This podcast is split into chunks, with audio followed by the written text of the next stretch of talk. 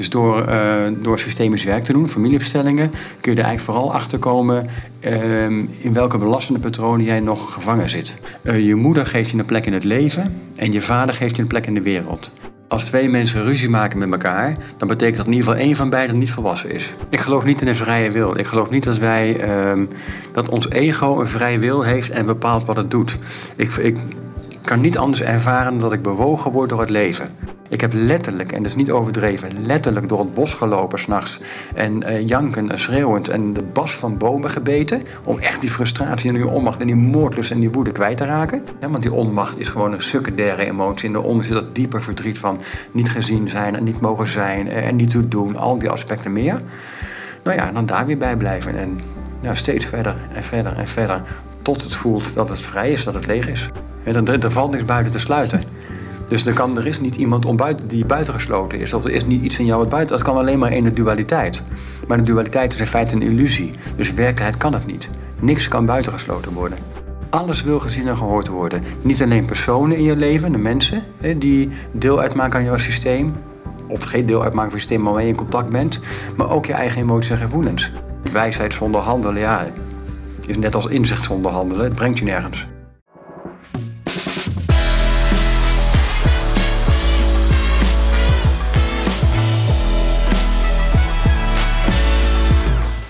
Hey, jij daar? Superleuk dat je weer kijkt naar een nieuwe aflevering van de Win-Win methode, de wekker die je wakker maakt. Vandaag ga ik in gesprek met Elmer en daar kijk ik echt ontzettend naar uit. Maar voordat we beginnen, eerst even dit. Vind je het gaaf wat ik doe? Bijvoorbeeld de blogs die ik schrijf of deze show? Uh, like het dan en deel het dan volop op je social media. En ga naar jannekevandermeulen.nl, daar kun je doneren zodat we dit werk voort kunnen zetten. Elmer, welkom. Dankjewel. Hoe vind je het hier? Uh, dat weet ik nog niet. maar ik bedoel, zit je op je gemak? Oh ja, ja zeker. Ja. ja, ik heb lekker warm water, comfortabele tafel, koptelefoon op. Wat willen mensen nog meer? Dat nog meer, ja, precies. Um, ja, voor de mensen die jou nog niet kennen, uh, je hebt nog op een blauwe maandag gedacht: ik word huurmoordenaar. Dat is heel anders gelopen. Wat doe je nu in je dagelijks leven? Ja, ik ben familieopsteller. Ik geef uh, opleidingen, workshops en trainingen in familieopstellingen. Met name opleidingen, dat is mijn, uh, mijn grootste passie. Ja, dus je, je leidt eigenlijk andere coaches op. Nou, niet alleen coaches, uh, ook uh, gewone burgers, zo gezegd. Dus iedereen die belangstelling voor opstellingen heeft, er zitten vaak coaches bij en trainers, maar voor de rest iedereen die belangstelling heeft, die, uh, die kan het volgen. Ik kom zelf ook uit, oorspronkelijk uit de techniek en uit de, nou ja, de, de vechtsporten, zou ik maar zeggen.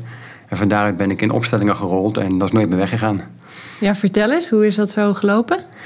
Oh ja, dat is wel een. Ik zal hem vrij kort vertellen, want als ik hem lang vertel, dan is het bandje vol, denk ik. Um, ruim twintig jaar geleden ontmoette ik mijn vrouw. Mm -hmm. Ik zat toen nog volop in de techniek en in de versporten. Ik werd voor het eerst van mijn leven verliefd op haar. Verliefdheid kende ik niet. Liefde kende ik sowieso niet zo goed.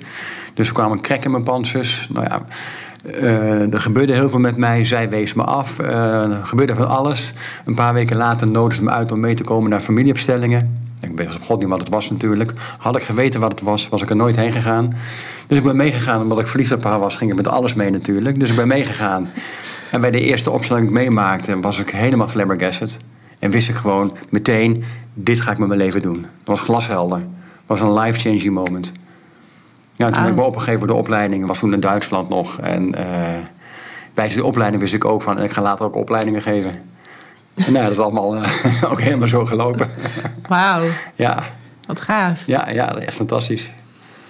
Hey, eventjes, uh, want dan ga ik eventjes wat over mezelf vertellen. Um, ik heb geprobeerd de code te kraken van... Uh, oké, okay, ik wil graag gezondheid op alle fronten. Fysiek, mentaal, financieel, emotioneel, spiritueel, relationeel. Oké, okay, wat, wat, wat moet ik dan doen? Nou, toen kwam ik er eigenlijk achter dat dan twee dingen heel belangrijk zijn. Je moet of je moet, je moet helemaal niks, hè, maar dan is het heel gaaf om heel veel zelfkennis op te doen en je zelfbeheersing te trainen. Nou, hoe doe je kennis op over iets? Dat is onderzoeken. En, en hoe leer je iets beheersen? Trainen, trainen, trainen, oefenen, oefenen, oefenen. Nou, dan word je vanzelf ergens beter in. Uh, en toen kwam ik er ook achter dat het eigenlijk per toeval, ik had het al aan de lijve ondervonden, maar toen kwam ik er ook achter van dat het echt ontzettend waardevol kan zijn om eigenlijk heel veel kennis te hebben over nou, alleen al uh, de relatie met en tussen je ouders, maar ook over ja, de rest van het familiesysteem. Wil jij, wil jij daar iets over vertellen? Van waarom kan dat zo waardevol zijn? Ja, ehm, kennis aan zich ehm, hoeft niet zo waardevol te zijn. Ik heb zelf niet zo heel veel met kennis, maar ik denk wel dat ik begrijp wat je bedoelt. Uh, het is vooral kennis over jezelf. En omdat in jou zit natuurlijk ook jouw familiesysteem. Je bent een product van jouw familie, dus je bent geconditioneerd door je familie, geïndoctrineerd vaak ook. Maar al die dingen maak je mee. Um, en daar kennis over te vergaren van hey, wie ben ik eigenlijk? Mhm. En uiteindelijk vooral wat ben ik? En het wie ben ik is meer van, um, oh, ik ben het product van mijn ouders.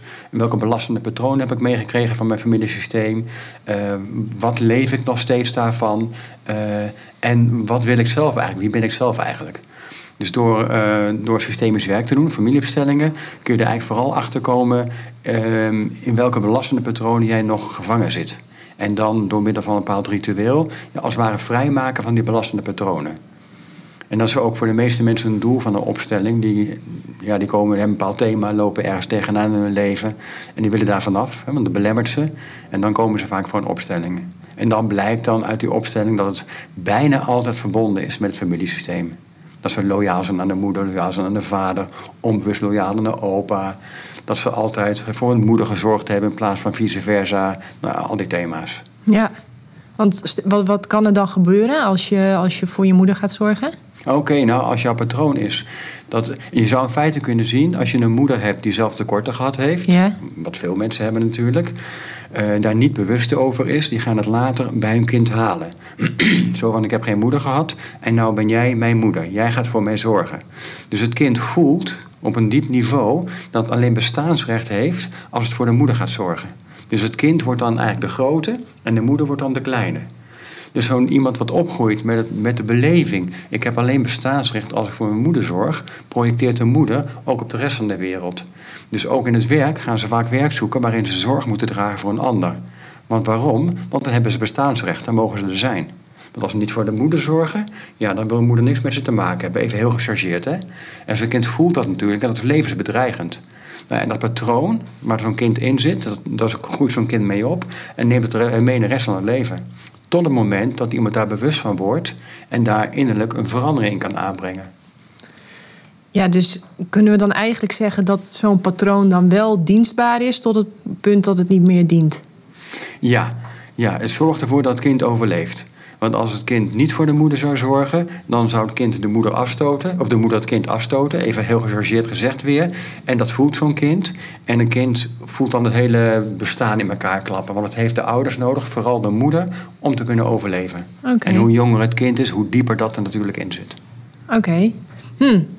Wat, wat, wat, wat, wat zijn dingen waarom mensen een familieopstelling uh, bij jou of bij iemand die jij getraind hebt uh, kon doen? Ja, of bij andere mensen die ik niet getraind heb. Ja, ja, ja, precies. Ja. Ehm, nou ja, heel simpel. Ze lopen ergens tegenaan in hun leven en weten vaak niet waar het mee te maken heeft. Oké, dus als je in patronen zit die zich maar herhalen en waar je dan niet zelfstandig uit kunt komen. Ja, ja waar je niks van snapt. Goh, je hebt, je hebt al zes relaties achter de rug en iedere keer de relatie kom je hetzelfde weer tegen. Iedere keer weer. Nou, dan gaat de relatie weer over, dan weer de volgende relatie. kom je weer hetzelfde tegen. Ja, wat is dat nu? En dan kan bijvoorbeeld een familieopstelling, uh, daar kunnen ze achter komen wat er mogelijk aan de hand kan zijn. Hm. En wat zie je dan gebeuren? Ja, dat is heel verschillend. Uh, heel verschillend. Vaak zijn het wel dezelfde patronen. Dat uh, de cliënt stelt een vraag aan mij. Nou, ik stel misschien één of twee vragen ook. En dan gaan we het opstellen. We gaan het neerzetten in, in de ruimte. Dus ik nodig iemand uit voor de moeder. Ik nodig iemand uit voor de vader. Ik nodig een representant uit. Ze noemen dat dan voor de cliënt. Mhm. nou, die, die vinden hun plek in de ruimte. En het wonderlijke wat er dan gebeurt... en hoe dat kan, dat begrijpt niemand. Ik ook niet. Is dat de mensen die representant zijn voor de vader en de moeder... maar ook representant voor de cliënt... die laten eigenlijk zien wat er op een diep onbewust niveau... ik noem dat altijd zielsniveau uh, zich afspeelt. Hm. Dus we krijgen, een, we krijgen een beeld te zien, het wordt zichtbaar wat er eigenlijk in werkelijkheid speelt. Want wat er in hier in deze realiteit afspeelt, zijn vaak de overlevingsmechanismes waar je mee te maken hebt met mensen. En wat er in de diepte speelt, ja, dat is eigenlijk waar het echt om gaat. En als je hier gaat werken op dit niveau, dan werk je met de symptomen. Maar eigenlijk moet je met het oorzakelijke niveau werken. Ja, En als je daar, gaat, daar een beweging mogelijk is, ja, dan werkt dat door in de persoon zelf, maar vaak ook in het systeem. En uh, je, je, je zegt het eventjes, want voor jou is dat natuurlijk hartstikke de verdedigingsmechanisme. Ja, overlevingsmechanisme. Ja, ja een kind moest overleven. Hè. Dus een kind, ehm, het overlevingsmechanisme van het kind dat voor de moeder zorgt, is dat het voor anderen zorgt. En dat is om te overleven. En het eigen stuk, de, de eigen behoeften, die worden eigenlijk daarmee uh, onderdrukt. Oké, ja. Hm. En uh, dus, er zijn toch een beetje, tenminste dat is wat ik ook heb geleerd. Ik ben een paar keer naar een lezing geweest van Els. Um, dat als jij ehm, de verbinding met je moeder staat een beetje symbool voor de verbinding ja, met jezelf en de rest van de wereld. de verbinding met je vader staat symbool voor hoe jij jezelf in de wereld zet. Ja, Bert Helling heeft ooit gezegd, en dat was een, uh, vond ik een hele mooie uitspraak.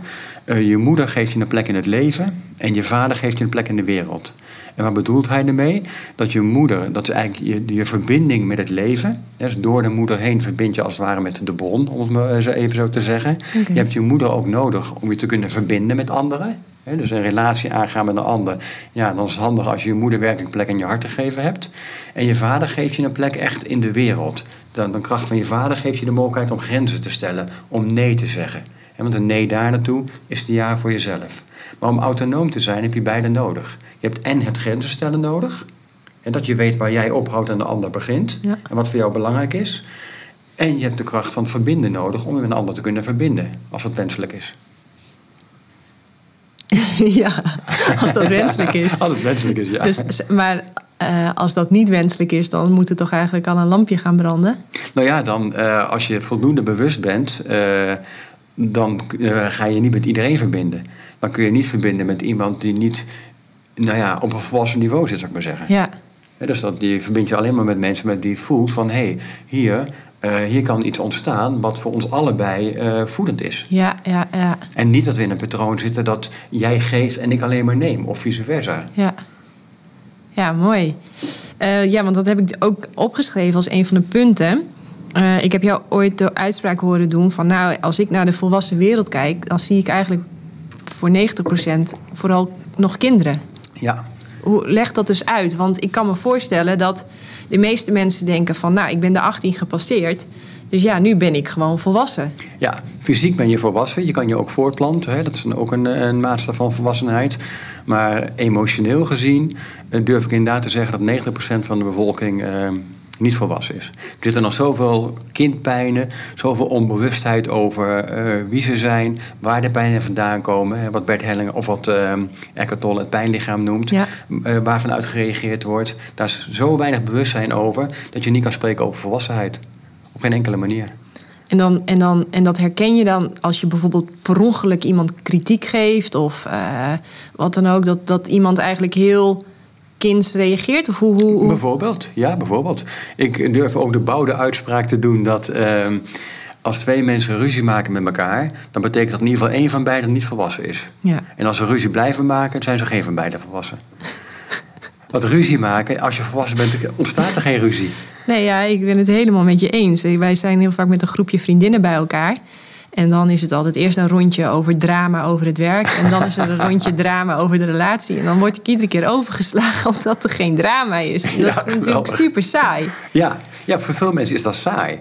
Want uh, dat dramastuk in mensen, dat wil gevoed worden. Hè? Dat, dat wil bestaan. Dat is natuurlijk het belaste ego van de mens. En dat wil bestaan. Dus ik wil drama horen. En het moet slecht met jou gaan. Dan kan ik helemaal meeleven ermee. En met mij gaat het ook slecht. En jij leeft mee met mij. En dat verbindt ook op een bepaalde manier. Alleen op een zeer dramatische manier. En het heeft niet zoveel met de, de diepte van het leven zelf te maken. Daar dobberen ze eigenlijk een beetje, alsof je een Nikano vaart, dobberen ze daar een beetje overheen. In plaats van dat ze de diepte van de hele oceaan voelen en ervaren. Ja. En dat is niet erg, dat niet verkeerd. Alleen ja, als je de wens hebt om volwassen te worden... of de wens hebt om vol in het leven te staan... is het wel handig als je de blik een keertje naar binnen richt... in plaats van naar buiten. Ja, ja alleen wat voor heel veel mensen... tenminste dat hoor ik terug... Hè, is dat, dat, het, dat het als saai klinkt. Als je dus hè, contact maakt met die vrede inderdaad... wat in de diepte van die oceaan... dan, dan lijkt het alsof het, of, of het leven vlak is. Ja, ik denk dat het het tegenovergestelde is. Want je, gaat, je hebt een hele schone bril de bril is niet vertroebeld door pijn uit het verleden of, of, of ja, conditioneringen waar je helemaal niets meer aan hebt. Je kunt eigenlijk heel helder kijken, dus ook veel helderder voelen. Dus het is allemaal veel puurder, veel echter. Ja. En, en daarom juist denk ik, mooier. Maar ja, als je zo gehecht bent aan het drama, dan klinkt het natuurlijk heel erg ja, saai bijna. Ja, absoluut. Helemaal met je eens. Je hebt het mooi gezegd. Ja. En, ja, je kan eigenlijk zeggen dat jij bevindt hier, jouw essentie, dat wat je bent, bevindt zich hier. En de emoties die gaan alle kanten op. Er zijn van die, eh, nou ja, van die sinussen, van die golven die alle kanten op gaan. En wat mensen vaak doen, is meegaan met die golven.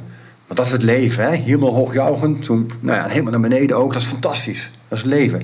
Maar de kunst is om de emoties kunnen er gewoon zijn. Maar jij blijft in het midden. En je neemt de emoties in jezelf waar als een toeschouwer. Je hoeft er niet in mee te bewegen. En op een gegeven moment, uh, ja, als die emoties niet gevoed gaan worden, dan vlakken ze er vanzelf wat meer af. En zit je steeds meer in het midden. En het midden is precies wat jij zegt, is juist bruisend van het leven. Maar het is veel stiller.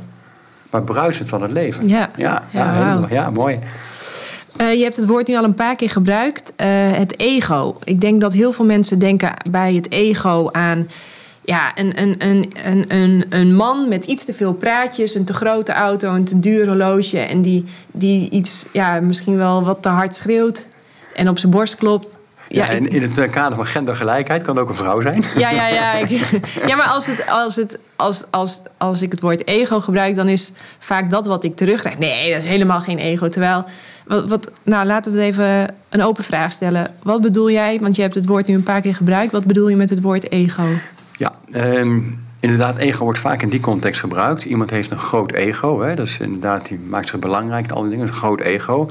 Ieder mens heeft een ego. Mm Daar ontkom je niet aan. Zonder ego kun je eigenlijk niet zijn. Maar, maar, ik maak een onderscheid tussen een gezond ego en een, een belast ego. En een gezond ego, daarin zit eigenlijk, uh, kun je zeggen, nou ja, jouw fysieke lichaam met al die kwaliteiten die daarin zitten. Uh, jouw eigenheid, jouw eigen karakter.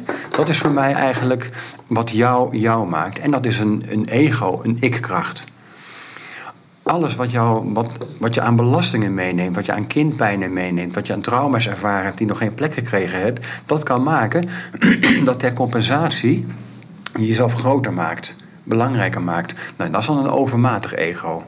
Dus dat, uh, kan het ook de andere kant op? Kun je ook een ego hebben wat zich juist heel klein maakt? Ja, zeker. zeker. Dat is ook een, een, een belast ego. Hoe Alleen werkt dat dan? Nou ja, ik doe er niet toe, ik ben niet belangrijk, de anderen zijn veel belangrijk, let me niet op mij. Dan maak je eigenlijk heel klein. Wat ook belastend is voor jou, maar ook voor je omgeving. En want iedereen is erbij gebaat als jij als mens gewoon simpelweg in je kracht staat, bent wie je bent, zonder je groter of kleiner te maken, maar alleen maar bent in die zin. Want dat is wat je, wat, wat je essentie bent. Je bent alleen maar zijn, meer niet. En de rest is aankleding. Vertel dat eens, want... Uh, nou ja, in de essentie... Uh, als, want ik vraag heel vaak... Ja, ik begeleid ook groepen en dan stap ik direct over dat ik ben heen. Want anders gaan mensen vertellen... ja, ik ben juf en ik ben dit en ik ben dat. En dan denk ik, ja, dat, dat is volgens mij die aankleding die jij bedoelt, toch? Ja. Uh, neem daar ons eens in mee, want hoe... Ja, in feite is er alleen maar ik ben... en dan kun je die ik nog weglaten ook. Want die ik bestaat eigenlijk niet. Hè. Dat is ook maar een aangenomen identiteit. En er zit een naam in. Zit, ja, het is, een, het is een basket waar allerlei uh, dingen in kunnen zitten. Ik ben opstellen, ik ben trainer, uh, ik ben uh, karateka, ik ben wereldkampioen kano. Ik ben, daar kan van alles ingedumpt worden. Ik ben goed, ik ben dit, ik ben slecht, ik ben fout. Dat is allemaal in dat ik wat er zit. Maar die ik mhm. bestaat eigenlijk helemaal niet. Dus wat blijft er dan eigenlijk over? Alleen maar zijn. En de zijnskwaliteit um, zou je kunnen zeggen als je dat werk van binnen ervaart, dan ben je eigenlijk verbonden met bewustzijn. En dan bewustzijn met de hoofdletter B. want je hebt uh, met een kleine letter B, dat is bewustzijn over bewustzijn. Maar het bewustzijn zelf is eigenlijk al datgene wat er is. Wordt ook wel eenheid genoemd. Je kan het ook God noemen, je kan het, geef maar een naam. En dat is precies het tegenovergestelde, zou ik maar zeggen, van. Um, nou, niet tegenovergestelde. Waar we hier in leven is de dualiteit. Maar de dualiteit is een verschijningsvorm binnen eenheid binnen bewustzijn. En als je zegt ik ben, en je zit alleen maar in je zijnskwaliteit, dan is er eigenlijk alleen bewustzijn. Maar met alleen bewustzijn kunnen we hier niet functioneren. Er is ook een ik bij, hè, waar dat ego ook deel van uitmaakt, het gezonde ego. Want zonder dat ego kunnen we niet in deze dualiteit zijn. En neem ons even mee, dualiteit, wat is dat? Oh ja, er zijn ook verschillende uitleggen voor. Uh, Hoe leg jij het uit? Ja, zoals ik het zie. Dualiteit is simpelweg het een en het ander. Man, vrouw, hoog, laag. Dus eigenlijk is het de wereld van de vorm. Het universum van de vorm. Waar wij dus nu in leven. Dus hier op aarde heb je per definitie te maken met een ego die eigenlijk een, een, een spel speelt in de dualiteit. Letterlijk zo, ja, mooi gezegd. We spelen letterlijk een spel. We zitten in een enorm toneelstuk. En de hele kosmos maakt er deel van uit. Als jij het zo zegt, dan kun je het toch bijna niet meer serieus nemen, toch? Nou ja, het is ook goed om het niet al te serieus te nemen. Oké. Ja, ik, ik kan het leven ook niet zien als iets heel erg serieus, maar alleen maar als een, um, ja, een, een waanzinnig bijzondere verschijningsvorm. Magisch gewoon, fantastisch. Maar het is wel een verschijningsvorm. En meer dan dat is het niet. Het is een toneelstuk, een film, geef maar een naam. En meer dan dat is het niet. En als je dat werkelijk realiseert, dan worden dingen ook een stuk minder belangrijk. dan dan ja, heb je nog steeds dingen waar je in je leven eh, misschien zorgen over maakt, misschien druk om maakt. Maar als je tegelijkertijd vanaf dat andere perspectief naar kijken kan, dan zie je ook, ja, maar waar maak ik me druk om? Als ik naar een mooie film kijk, ja, dan kan die film me meenemen, kan me ontroeren. Of boos maken of emoties te, tevoorschijn roepen. Maar als die film afgelopen is, vloeit dat weer weg. Ja. Je levert net zo. Het kan emoties tevoorschijn roepen, het kan je meenemen. Maar als het leven afgelopen is, is dat weer weg. En ontstaat er dan ontstaat leed dan als jij je eigenlijk mee laat sleuren door die dualiteit? Ja. Of op laat slokken? Ja, exact. En het meeste lijden van de mensen komt voort uit hun identificatie met hun gevoelens, met hun emoties, met hun ideeën, hun veronderstellingen. Die identificatie daarmee, dus van dat je dat bent, dat veroorzaakt eigenlijk echt het leed. Even los van fysiek leed, hè, wat een mens hebben kan, pijn dat je hebben kan. Maar even nog even over dat belaste ego. Hè? Want we hebben dus een ego eigenlijk nodig als, als, als kind zijnde om ons los te maken van onze ouders of zoiets? Nou, in eerste instantie als kind zijnde om um, er te mogen zijn, je plek te geven. Want een kind is nog helemaal leeg. En die, een kind wil groot zijn, wil belangrijk zijn. Dat ego moet ontwikkeld worden. Dus het is ook goed dat een kind dat wil. En als uiteindelijk dat ego ontwikkeld is en een plek gekregen heeft, een bestaansplek gekregen heeft, dan is het goed ook weer als zo richting volwassenheid, maar er komen niet heel veel mensen, wat ik al zei, en dat ego weer losgelaten wordt. Dus eerst bouw je als kind een ego op om hier een plek te geven, hier te zijn, te verhouden met de anderen, te ontdekken wie je zelf bent. En dan mag dat ego langzaam weer losgelaten worden. En dan komt ook steeds meer de realisatie, niet meer zozeer wie je bent, maar wat je eigenlijk bent. En wat je bent is dan zuiver bewustzijn in deze vorm. Ja, mooi, mooi. Oh, je zegt zoveel dingen, daar wil ik heel graag op inhaken. Maar het eerste is um, even wat ik je hoorde zeggen van uh, ja, dat toneelspel. maakt het allemaal niet zo serieus. Maar dat, dat, ik kan me voorstellen dat veel mensen denken... nou ja, achteroverleunen dus maar. Het maakt toch allemaal niet uit. Het klopt, heeft... klopt. Alleen het punt is, als ze een vrije wil hadden, zouden ze dat doen. Maar ze hebben geen vrije wil, dus ze doen dat niet. Oké. Ik geloof niet in een vrije wil. Ik geloof niet dat wij ehm, dat ons ego een vrije wil heeft en bepaalt wat het doet. Ik, ik kan niet anders ervaren dan dat ik bewogen word door het leven. En ook mijn weerstand eh, tegen het leven, en uh, zoals vooral vroeger had, heel veel weerstand tegen van alles, dat is geen vrije wil van mij geweest. Dat is gewoon een rol die mij opgelegd is in het spel wat te spelen hier. Zo, zo ervaar ik dat. Ja. Dus wat ik ook doe of niet doe, het maakt werkelijk niks uit. Want het is, ten, het is nooit mijn keus. Al kan mijn ego denken, ook mijn gezonde ego kan denken, en daar is niks mis mee. Ah ja, ik ga nou dit doen. Ik ga nou een slok water nemen. Dat is mijn keus. Mijn lichaam geeft aan, het heeft dorst, dat is mijn keus. Nee, dat gebeurt simpelweg. Dus als ik het goed begrijp, dan zeg je eigenlijk, ik weet niet of je het kunt begrijpen, maar ik probeer het woorden te geven, is uh, ook al denk je van, nou ja, achteroverleunen, uh, dan ontspan je misschien nog wel veel meer, gaat het leven nog veel meer door je heen stromen en dan kom je misschien juist wel helemaal in actie en ga je doen wat je tussen haakjes moet doen? Mogelijk, maar ook dat achteroverleunen uh, is niet je eigen keus. Van ik ga achteroverleunen. Dat is niet wat je zelf. Ik heb nooit de keus gemaakt om opsteller te worden. Nee. Dat is, dat is op mijn leven gekomen en ik, dat ga ik doen. Maar er was, toen dacht ik van er is een ik die denkt ik ga dat doen. Ja. Nu weet ik, er is geen ik die dat denkt. Nee, oké, okay, maar goed. Mensen lopen tegen een bepaald patroon aan. In het, oh, en jij denkt dan dat ze echt geroepen worden door de familieopstelling. Omdat dat is dat, dat stroomt door ze heen. Dan gaan ze die familieopstelling doen en dan gaan ze weer. Hoe, hoe, hoe werkt dat dan? Nou ja, zoals voor iedereen werkt. Um, iemand loopt ergens tegenaan. Iemand denkt dat hij de keuze maakt. Uh, ik wil hier van af. Ehm, iemand zal misschien zeggen: Goh, misschien is een opstelling een goed idee voor jou. En die persoon denkt: dan, Oké, dat is een goed idee en ik ga een opstelling doen. En die wordt misschien doorverwezen naar iemand toe. En steeds wordt gedacht: van ik ga die keuze maken. Maar er is helemaal geen ik die een keuze maken kan. Het is simpelweg iets wat gebeurt. Het leven gebeurt simpelweg door ons heen en neemt ons mee. Het feit dat jij wereldkampioen kano geworden bent, uh, is niet een keuze van jou. Dat is simpelweg iets wat gebeurt. En jij denkt natuurlijk straks, ja, ik ga dat zelf doen. Ik ga hard trainen. En, uh, want trainen, dan verkrijg ik de vaardigheid. En nog meer en goed mijn best doen en focus en alles. Maar dat, die keuze wordt door jou heen gemaakt. Er is namelijk geen jij die die keus maakt. Ja, En dat neemt niks af van het feit dat je ervan geniet. Dat, je, dat er dingen gebeuren. Dat je daar ja, deelgenoot van bent. Maar je bent eigenlijk in feite alleen maar de waarnemer van wat er jou gebeurt. En van dat waarnemen, ja, van wat er gebeurt, kun je van genieten. Ja. Wat ook is. Of het nou pijnlijke dingen zijn of mooie dingen. Maar het maakt wel dat je het leven hier ervaart. Ja. Ook al is het leven een illusie. Is dat wat Eckhart Tolle noemt uh, one with life, één met het leven? Dat je dus van verzet naar een soort van overgave ja, gaat? Ja, ja, ja. Ja, alleen het punt is, in mijn visie, uh, is het niet jouw keuze om tot overgave over te gaan. Nee, precies. Dat gebeurt of het gebeurt niet. Maar sinds je dit, er is een, neem ik aan, uh, corrigeer me als het niet klopt, maar er is op een gegeven moment een punt in jouw leven gekomen dat, je, dat dit kwartje viel. Ja. Wat. Ja. Kun, maar jij zegt nu eigenlijk, ja, dat is me eigenlijk overkomen en dat dat kwartje valt.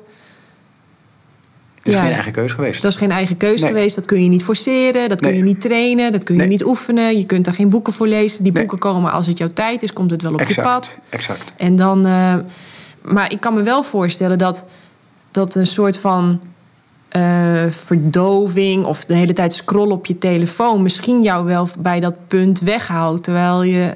Kan dat? Ja, natuurlijk kan dat. Zeker. Alleen, wie is het die de keuze maakt om de hele tijd te scrollen? Ja, ja, dat is natuurlijk ook de vraag.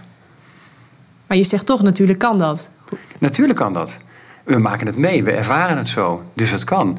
Alleen ehm, de keuze die iemand maakt om de hele dag op zijn telefoon te zitten. Uh, en voor de rest alles oblivious van alles om me heen. Ja, dat is niet de keuze van die persoon zelf. Dat is wat door die persoon heen gebeurt. En waar het in zijn geheel allemaal heen beweegt. Heb ik geen idee van natuurlijk. En wat de bedoeling is, als er al een bedoeling is, ja. geen idee van. Nee, voor mij is het alleen maar een spel. Ja, ja mooi. Uh, toen uh, gebruikte je nog de woorden belast ego. Hoe kan een ego belast raken? Door uh, trauma, door conditionering. Ja, zoals kind zijn, wat ik net zei. Als je van je moeder te horen gekregen hebt dat, ehm, dat jij voor mij moet zorgen. Want anders ben je geen goed kind, anders zorg ik niet voor jou. Ja, dan, dan word je geconditioneerd om dat te gaan doen. En dan word je helemaal in dat patroon meegenomen. En later ga je dat ook doen, bij iedereen. Want je weet gewoon, dit moet ik doen, anders heb ik geen bestaansrecht. Dat is maar een klein voorbeeldje daarvan. Ja. Dus dat ontstaat gewoon vanuit belaste ouders natuurlijk. Ja, want iedereen die in een gezin geboren wordt, ja, er is altijd wel wat. En er zijn maar heel weinig mensen die in een gezin geboren worden met twee hele bewuste ouders. En dan nog weet je niet hoe dat kind zich ontwikkelt. Nee. Want dat vind ik wel een heel opvallend iets. Je hebt kinderen die uit een heel dysfunctioneel gezin komen. En die groeien op tot een Gandhi, bij wijze van spreken. En je hebt kinderen die uit een harmonieus, liefdevol gezin groeien. En dat wordt een Adolf Hitler. Ja. Even heel gechargeerd zeggen. Ja, ik moet dus ook altijd super lachen. Want ik heb heel lang getwijfeld. Hè. Wil ik het leven doorgeven? En weet ik veel. Uh, nou, nu ben ik inmiddels ook zover. Ik zeg nu gewoon iedere keer: Nou, Janneke komt er aan een tweede. Dan zeg ik: Nou, ik weet niet wat het leven daarvan me wil. Ik zie het wel. Maar goed, uh, voor dat punt zijn de mensen dan heel vaak, en dan moet ik er zo om lachen, van ja, bewuste mensen moeten juist kinderen eigenlijk op de wereld zetten om het bewustzijn te vergroten. Nou dan, ja, ja, precies. Ja, ik schiet dan net zo in de lach, want ja, dan, dat, ja, nee. Nee, nee dat, dat suggereert maakbaarheid. Ja, precies. En dat, uh, nee. En dat, dat suggereert invloed en dat suggereert dat opvoeden bestaat en, en, en, en ja, nee. Nee. ik dacht, misschien kun jij er nog wat zinnigers over zeggen dan alleen maar nee. Maar. Uh... Nee. nee, weer een nee. Oké. Okay. Um, ehm, um, ehm, wij, hadden, wij hadden vroeger. Uh, ik heb een tijdje in een dorp gewoond. En uh, daar woonde ook Hans. en wij zeiden altijd: wij weten niet hoe het kan. Want Hans doet nooit wat, maar het is wel altijd klaar dus hij, wij, ogenschijnlijk deed hij altijd niks, maar het was altijd klaar.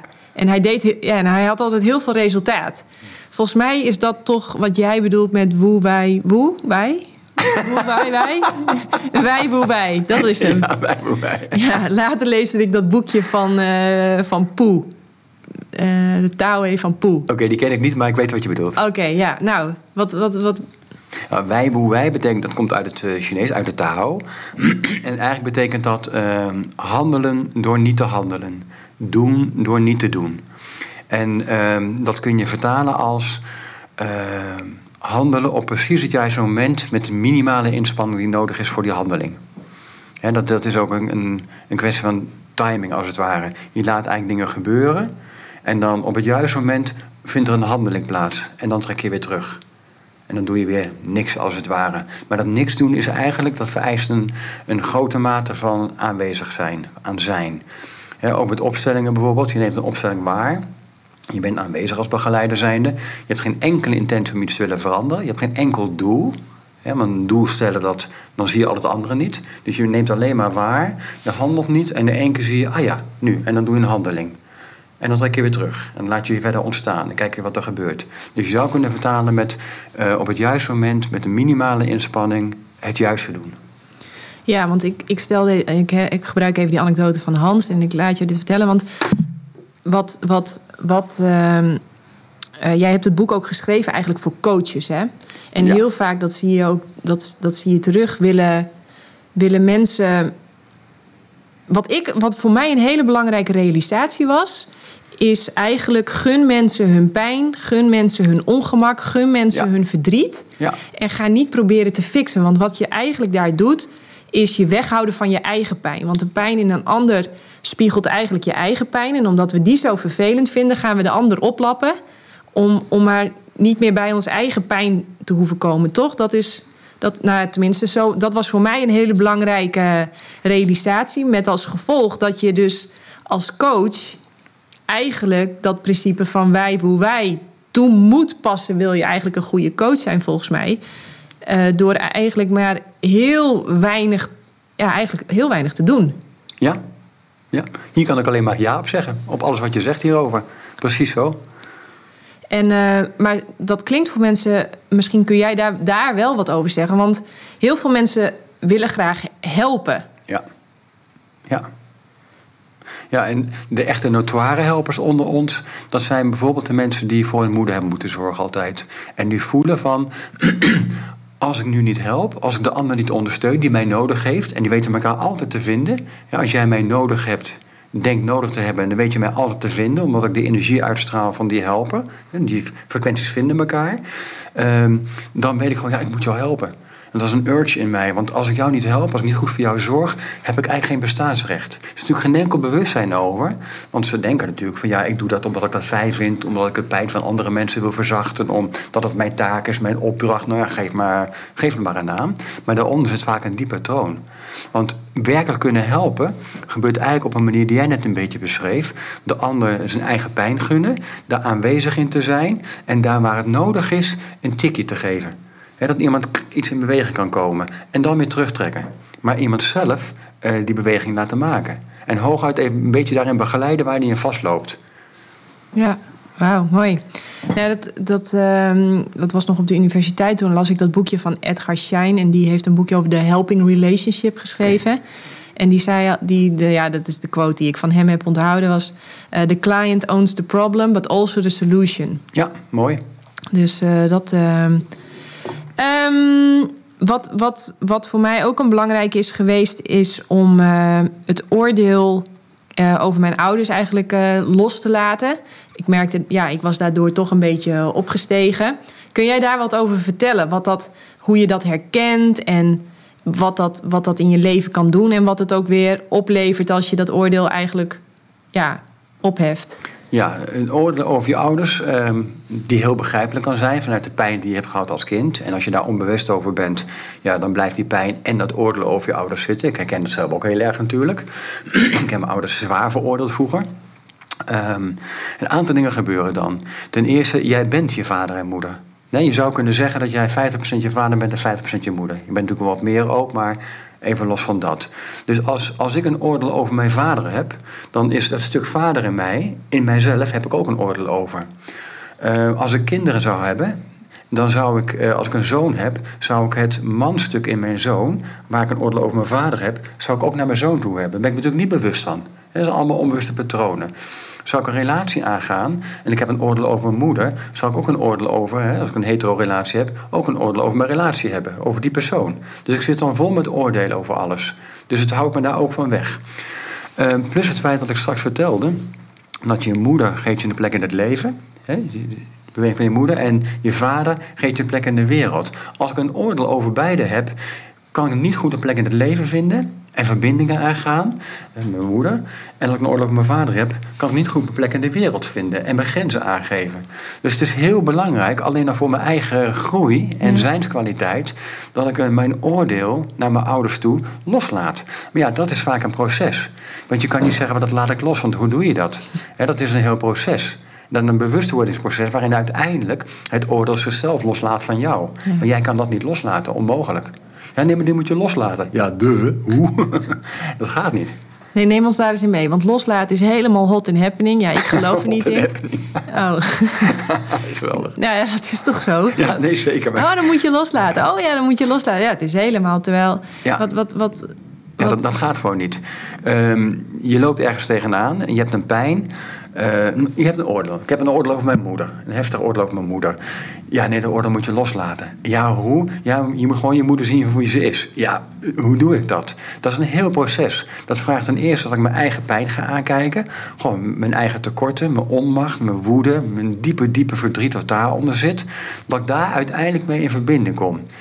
Bij mij heeft dat jaren geduurd. Hè? Dus dat is echt een proces. Hoe heb je dat aangepakt? Um, Eigenlijk door er bewust van te zijn. Steeds weer bewust van te zijn. Steeds weer. Um, laat ik even teruggaan. Uh, toen mij die krek in mijn panzer kwam, en dat hoeft lang niet voor iedereen zo te gaan, maar mij ging het zo, kwam ik ontzettend veel tegen. Ik kwam, uh, vroeger dacht ik altijd nergens bang voor was. Ik was karate, kickboxleraar en ik, kende, ik was nergens bang voor. Maar goed, ik was doodsbang, alleen dat wist ik toen niet. Ik had een heel panzer opgebouwd. Dus toen die krek in dat panzer kwam, door het afwijzen van uh, Angelique, uh, haar afwijzing... Uh, toen begon er wat, ja, er begon wat licht naar binnen te vallen, zou je kunnen zeggen. Het was beeldspraak. En toen werden dingen zichtbaar en voelbaar in mij. En toen kwam ik een ongelofelijke dosis angst tegen. En onmacht en woede en pijn en verdriet. Waarvan ik het bestaan niet eens wist. En eigenlijk wat ik gedaan heb, is... Um, uh, en niet zo heel erg bewust gedaan. Uh, ja, dit heb ik wel bewust gedaan. Ik ben bewust bij die pijn gebleven. Want ik realiseerde me, um, ik moet er naartoe. Ja. Ik moet er echt doorheen. Want ervan weg, dat is geen optie. Ik moest, dus dat was een inzicht wat ik in ieder geval had. Natuurlijk geen eigen keuze geweest, wist ik achteraf. Maar oké, okay, dat, dat inzicht kwam. Mm -hmm. En toen heb ik echt uh, in twee jaar tijd... Ehm, nou, als ik even heel gechargeerd zeg, door een hel gegaan innerlijk. Ik heb letterlijk, en dat is niet overdreven, letterlijk door het bos gelopen s'nachts. En uh, jankend en schreeuwend en de bas van bomen gebeten. Om echt die frustratie en die onmacht en die moordlust en die woede kwijt te raken. Um, nou ja, als je dat dan doet, uh, dan kom je steeds meer in contact met de diepe pijn, existentiële pijn die daaronder zit. Nou, daar ben ik naartoe gegaan. Gewoon door er te laten zijn helemaal. En nou ja, dat heeft me overspoeld, meegenomen. En uiteindelijk uh, klaarde het op na een paar jaar tijd. En toen was het, toen was het weer helder. Toen had ik 90% van de thema's, uh, die waren wel de revue gepasseerd en hadden een plek gekregen. Ja, je zegt het zo mooi. Naar die, naar die pijn toe, wat, wat, wat, hoe zag dat er voor jou uit?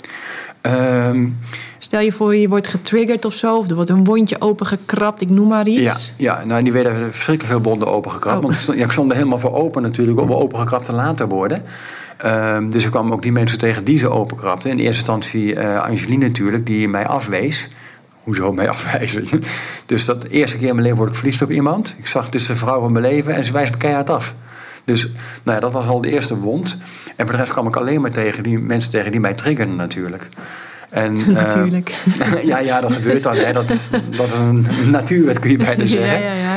En uh, het enige wat ik hoefde te doen, en die realisatie had ik heel sterk, is het niet daarheen te richten. Dat gebeurt natuurlijk wel soms in mijn onmacht. Maar dan daarna weer te realiseren: wacht even, heeft niks met die persoon te maken. Even terughalen hierin. Wat wordt er in mij geraakt? Oh ja, oké, oké, goed. Oké, blijf er maar bij. Blijf er maar bij. En, en dat gewoon helemaal laten gebeuren. Daar aanwezig in zijn eigenlijk. En niet helemaal in wegsmelten. Want dan neemt het je over, maar er- erbij aanwezig zijn. Als een toeschouwer eigenlijk. Maar wel heel dichtbij. Nou ja, en zo... ehm, nou, dan kwamen er echt hele oude pijnen boven. Dat, nou ja, die moord zoals ik al vertelde. Nou dat dan ruimte geven. Hè, dus eh, door wat bos, bas van de bomen af te bijten... of een andere manier te vinden. Ik heb ook mijn knokkelstuk geslagen tegen de bomen. Op die manier. En dat was in ieder geval mijn manier. En als dat eventjes eruit gegaan was, die, die explosie van woede en onmacht... Ja, dan kwam ik een laagje dieper bij de pijn die eronder zit. Hè, want die onmacht is gewoon een secundaire emotie. En daaronder zit dat dieper verdriet van niet gezien zijn en niet mogen zijn eh, en niet te doen. Al die aspecten meer. Nou ja, en dan daar weer bij blijven. En nou, steeds verder en verder en verder. Tot het voelt dat het vrij is, dat het leeg is. Of leeg genoeg voor jou in ieder geval. Ja. Wat een, wat een opluchting. Ja, dat is. nou, het bijzondere is ook. Ik heb voor die tijd, eh, ik ben met mijn 17 in het huis uitgegaan. En ik heb een geweldig leven gehad na die tijd. Dus ik heb, eh, ik heb karate kickboxleraar geweest. Ik was heerlijk werkeloos. Deed alleen maar wat ik leuk vond. Ik woonde op een kamer. Ik had niks nodig. Ik trainde de hele dag. Ik had vrienden. Ik had een fantastisch leven. Ehm, tot het proces in mij begon. En ik nu kan zien, of toen al na het proces al, hoe leeg dat leven was. Alleen dat maakte toen niet uit, want dat was wat ik kende. En ik heb er wel van genoten. Ik was een diepe slaap, maar het was een heerlijke slaap. Maar nu, met wie ik ben ik nu ben, ja, nu de volheid van het leven voel en ervaar. Inderdaad, zo in het midden, op die stille manier. Gewoon helder kan zien wat er is. Ja, dat is geen vergelijking met hoe het vroeger was. Wauw. Ja. Ja. Ehm, ik heb nog opgeschreven de stem in je hoofd. Praat die nog tegen jou aan? Nee, met name mijn vrouw die tegen me aanpraat. Nee, maar ik wil even terug naar dat ego. Want we hebben het nu wel al even aangestipt. Van oké, je hebt een ego nodig. Je hebt een ego nodig om hier in die dualistische wereld een spel te kunnen, het spel mee te kunnen spelen. ja. Maar ehm, wat, wat, wat, hoe. Want dan zeg je op een gegeven moment dan ben je volwassen. En dan hoop je eigenlijk dat dat ego, dat je daarna dat je dat ego niet meer bent, maar dat je daarna kunt kijken. Eigenlijk is het omgekeerd. Omdat je ego een plek gekregen heeft, het overmatige ego is weg. En je, je wordt alleen nog maar je gezonde ego. Dat maakt je volwassen. Is dus niet, je bent volwassen en daarom. Je kan niet volwassen zijn als het ego overmatig aanwezig is. En, en hoe herken je het ego? Hoe, eh, hoe ga je daarmee aan de slag? Het overbelaste ego bedoel je? Ja, Nou ja, een hele simpele ehm, een manier is al om te kijken naar de triggers. Als je getriggerd wordt door iemand, en het zijn vaak iemanden, hè, geen situaties, maar personen die met die situaties verbonden zijn. Als dat je triggert en bovenmatig triggert, ehm, dan weet je, ach ja, er is nog iets waar ik naar te kijken heb. En dat is iets anders dan bijvoorbeeld gewoon, stel je voor, jij gaat over mijn grenzen heen en ik word boos. Primair reactie, boos. Dat is wat anders. Dat is gewoon een, gezonde reactie, primair, om mijn grenzen te bewaken, om te voorkomen dat jij over mijn grenzen heen gaat. En als het voorbij is ook, vloeit dat gevoel weer weg.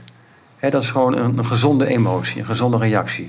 Als zo'n gevoel zou blijven, dan weet ik al, verstandelijk in ieder geval nu, ach ja, dat is een, een secundaire emotie overheen. Dus ik blijf boos op jou omdat je over mijn grenzen gegaan bent. Oké, wat zit er eigenlijk onder? Wie zijn er eigenlijk ooit over mijn grenzen gegaan? Oh ja, ach, zijn we daar weer. Ah ja, oké, ja. En, en zo op die manier kom je erachter dat jouw ego nog niet vrij is van, ehm, nou ja, van belastende patronen. ja. En dan is het dus ook weer een kwestie van liefdevol observeren, gewoon zonder oordeel daarna, daarna kijken. Ja, hoeft niet eens liefdevol te zijn, zonder oordeel. Gewoon zonder oordeel. Precies, ja. En wie, wie kijkt dan? Hoe kijk je dan? Ja, dat is een hele mooie. Wie kijkt er dan? Dat is een hele belangrijke vraag. Wie kijkt er dan? Als ik jou die vraag stel, wie zou er dan kijken? Ja, ik denk dat dat het bewustzijn is. Exact, precies. Het is bewustzijn wat dan kijkt. Het is bewustzijn wat jouw ik waarneemt, wat het ego waarneemt, wat de pijn van het ego waarneemt. Dat is wat kijkt. Ja. En kun je dat ook trainen? Ja, natuurlijk. Door, ehm, eh, door bewust te zijn van bewustzijn. Door bewust te zijn eh, van de toeschouwer. Door bewust te zijn van het feit dat je als toeschouwer, en dan zeg ik dat je als toeschouwer gewoon in het spraakgebruik, maar hè, dat bewustzijn toeschouwt naar wat er in jou gebeurt. Je ontkomt niet aan een dualiteit om termen als ik en jij gebruiken. En dus, dat, dus de toeschouwer kijkt naar wat er gebeurt. En jij, met de hoofdletter J, bent die toeschouwer.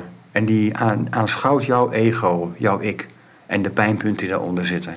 En als die toeschouwer daar naar kijken kan, en het hoeft niet liefdevol te kijken te zijn, hè, want dat is ook weer zo'n concept, maar gewoon waar te nemen wat er is, daarbij te blijven, ja, dan vloeit het belastende patroon uiteindelijk uh, vanzelf weg. Of je zou kunnen zeggen misschien, jouw bewustzijn, jouw persoonlijk bewustzijn, uh, ontstijgt het. Ja, want dat doet mij, wat, het woord wat nu in mij opkomt is omdat, ja, ik weet niet wie, maar iets, het universum of zo, houdt niet van buitensluiten. Ja, dat bestaat ook niet. In eenheid, hè, jij noemt het universum. Het universum is een onderdeeltje van eenheid, van bewustzijn. Dat kent geen buitensluiten, want er is geen buiten. Er, er valt niks buiten te sluiten. Dus er, kan, er is niet iemand om buiten, die buitengesloten is. Of er is niet iets in jou wat buiten. Dat kan alleen maar in de dualiteit. Maar de dualiteit is in feite een illusie. Dus werkelijkheid kan het niet. Niks kan buitengesloten worden. Nee, maar we zien, we, als jij zeg maar een, een, uh, een oude pijn hebt en je stopt hem weg. Ja. Dat bedoel ik. Ja, dat is buitensluiten van de oude pijn. Ja, dan, exact. Precies, of jij hebt uh, een miskraam gehad, maar je denkt, nou, ik ga het aan niemand vertellen. Ja, en uh, zo erg is het allemaal niet en ik ga gewoon weer verder. Ja, ja, dat is het wegduwen van. Of je denkt, ja, dit, als ik dit ga vertellen, dan word ik uit, dat is niet sociaal geaccepteerd, dus ik vertel het maar niet. Ja, dat kan een keus zijn. En dat hoeft niet meteen, uh, meteen te betekenen dat je dat buitensluit. Maar het kan een keus zijn van, ah ja, als in die groep waar ik nou mee verkeer, als ik dit vertel, dan gaan ze het busje bellen van mij. Dus uh, laat dat maar niet doen, want het voegt niks toe. Uiteindelijk is het natuurlijk zo dat je in die hele groep überhaupt uh, niks meer te zoeken hebt en je die groep verlaat als je er al deel van uitgemaakt hebt. Oh, wauw. Ja. maar, um, uh, want ik, ik, ik zie een soort van in dat spel, zeg maar, zie ik het een soort van voor ons. Dat, dat, dat, um, dat eigenlijk alles in het licht gezet wil worden. Ja. Alles wil gezien en gehoord worden. Ja, precies. Dus als jij tegen, tegen een rotgevoel gaat vechten, want je mag dat eigenlijk niet hebben, want ik ben een grote, stoere, sterke meid en uh, ja, dat past er eigenlijk helemaal niet bij, dan, dan, ja, dan druk je het weg. Ja. Um, en dan vergelijk ik het altijd met een jammerend klein kind. Maar het gaat net zo lang jammeren totdat, totdat het pijn doet aan je oren. En je het echt wel moet zien als het ware. En kind gewoon opstaat in de kamer en dat niet meer hoort. Ja, dat zou dan dus kunnen. Maar dat gaat, dan gaat, gaat ze op de deur bonken. Ja. ja. Zoiets. Zo, zo maak ik het symbolisch voor mezelf. Ja, of een bal die onder water duwt. Oh ja. En ja, op een gegeven moment moet je hem loslaten, dan komt hij toch weer boven water. Ja. ja maar dat zijn allemaal uh, beeldspraken om een, dat te duiden. Ja. ja. Alles wil gezien en gehoord worden. Niet alleen personen in je leven, de mensen hè, die deel uitmaken aan jouw systeem. Of geen deel uitmaken van je systeem, maar waar je in contact bent. Maar ook je eigen emoties en gevoelens. Niks wil, niks wil verborgen blijven. En vooral ook, en daar zit vaak heel veel kracht, maar dat beseffen mensen vaak niet, in je duistere kanten. En waar je liever niet naar kijkt. We hebben allemaal ons masker naar de buitenwereld, zoals we graag gezien willen worden. Maar onze duistere kanten, die willen we liever niet zien. En Jung heeft er bijvoorbeeld een heel mooi eh, beeld bij. Een boom, ja, die staat in het licht, in de zon. Maar diep onder de aarde groeien de wortels in het duister. Maar die zijn zeer noodzakelijk voor die boom. Dus om boom te zijn, eh, moet het duister er ook mogen zijn. Het is ook de minder fraaie dingen van jezelf en die onder ogen komen. Wat zijn dingen die in het duister kunnen zitten? Uh, het feit dat je uh, moordlust voelt, het feit dat je uh, een woede voelt, het feit dat je onmacht voelt, het feit dat je, ehm, eh, nou ja, nou ja, noem maar op. Ik, bij mezelf was het vooral de moordlust, de woede, de onmacht, wat allemaal verborgen was, allemaal duister kon ik ook niet bijkomen toen de tijd, omdat ik er een panzer over opgebouwd had. Daarbij is natuurlijk ook een diepe pijn, een verdriet, een angst. Dat is het allemaal, allemaal onderdrukt in het duister. En als dat duister, die kant er helemaal mag zijn, met alle fraaie en minder fraaie eigenschappen, dan is er meer eenheid, is de boom, zou ik maar zeggen, meer totaal. En kan die gezonder groeien. Want je bent niet maar één deel, je bent yin en yang. En je bent niet alleen licht, je bent ook donker. Ja, nog even terug naar dat oordeel over je ouders. Want jij zegt, ja, ik had ook een heel sterk oordeel. Wat, wat, wat, wat, wat, wat gebeurt er dan in je, in je kijk op je ouders als je dat oordeel eraf haalt? Ja, uh, dan worden het alleen nog maar mijn ouders. En uh, meer niet. Uh, en het bijzondere is ook, is, uh, nou, vroeger, ik, ik haatte mijn moeder als de pest. Daar was ik me ook niet zo bewust van, maar ik haatte mijn moeder en ik minachtte mijn vader heel erg. En toen dat in mijn plek begon te krijgen en het orde begon te weg te vallen, en ik begon ze echt te zien ook, voor wie ze waren, ehm, is dat helemaal verdwenen. Dus uh, ik, ik, heb ze allebei echt een plek in mijn hart kunnen geven. En ik heb heel veel respect voor mijn vader, die inmiddels overleden is. Maar ik kon echt respect voor hem voelen, voor de persoon die hij was. En voor mijn moeder ook. Kon ik echt heel veel liefde en respect voelen voor de persoon die zij was. En verder zijn het alleen maar mijn ouders. Meer niet. En, want jij zegt, ja, je wordt per definitie geconditioneerd door je ouders. Wat, Onvermijdelijk. Hoe, hoe ziet dat erurait? Nou ja, hun normen en waarden, dat worden jouw normen en waarden. Want jij groeit op als, als klein kind, ben je volkomen afhankelijk van je familie. in eerste instantie natuurlijk heel erg van je moeder. Dan komt je vader in beeld, broertjes, zusjes, opa en oma's, nou, het hele familiesysteem. Daar ben je volkomen afhankelijk van. Dus precies zoals zij de dingen doen, dat is zoals je het kent en dat is normaal. dat betekent ook, als het in een andere familie anders doen, Stel je bent een jaar of vier, vijf en je wordt door je ouders meegenomen naar een andere familiebezoek en bepaalde dingen doen ze er anders. Ja, dat is gek, per definitie. Dat is niet anders, nee, dat is gek. Want zoals wij doen is normaal. Nou ja, en hopelijk als je ouder wordt, wordt je blik wat breder en zie je ook andere dingen die normaal zijn, alleen anders. Maar als je opgegroeid bent in een heel gezin met hele strenge overtuigingen, laat bijvoorbeeld zeggen een heel nou ja, een christelijk gezin met hele strenge christelijke overtuigingen, ja, dan zijn dat jouw normen en waarden. En die neem je mee tot er bewustzijn in jou ontstaat van, wacht even, er is al wat meer dan alleen dat. Maar het kan ook zijn dat het niet ontstaat, dat je loyaal blijft en eigenlijk kind blijft aan je familiesysteem en die normen en waarden helemaal meeneemt in je eigen familiesysteem wat je weer gaat neerzetten. Want je, want je hoort heel vaak dat, uh, dat uh, oh ja, dat is nog even een woord dat we misschien eventjes uh, moeten duiden. Want ook trauma, dan denken heel vaak mensen van oh, heel zwaar ongeluk of een vreselijk misbruik of iets in die trant. Maar ja het trauma, ja, je hebt eigenlijk het trauma inderdaad van een hond die je bijt. Maar je hebt volgens mij ook het trauma, maar corrigeer me als ik het niet goed begrepen heb hoor. Van bijvoorbeeld een vader of een moeder die tussen neus en lippen door de hele tijd zegt van... God, nou jij kan ook niks. Ja. God, god. Ja. Ja. En, en, of schiet eens op, of, uh, ja. of te dik, of te dun, of te, weet ik veel wat. Dat, dat kan ook een trauma zijn. En als je dat dan maar vaak genoeg hoort, dan... En waarschijnlijk hebben zij dat dan ook gehoord. Maar dan ergens in het. Ergens, nou, dan komen mensen dus bij jou als er op een gegeven moment bewustzijn op komt. Om, maar hoe werkt, hoe kunnen dat, dat doorgeven, dat vind ik zo fascinerend. Ja, um, je hebt twee manieren van doorgeven.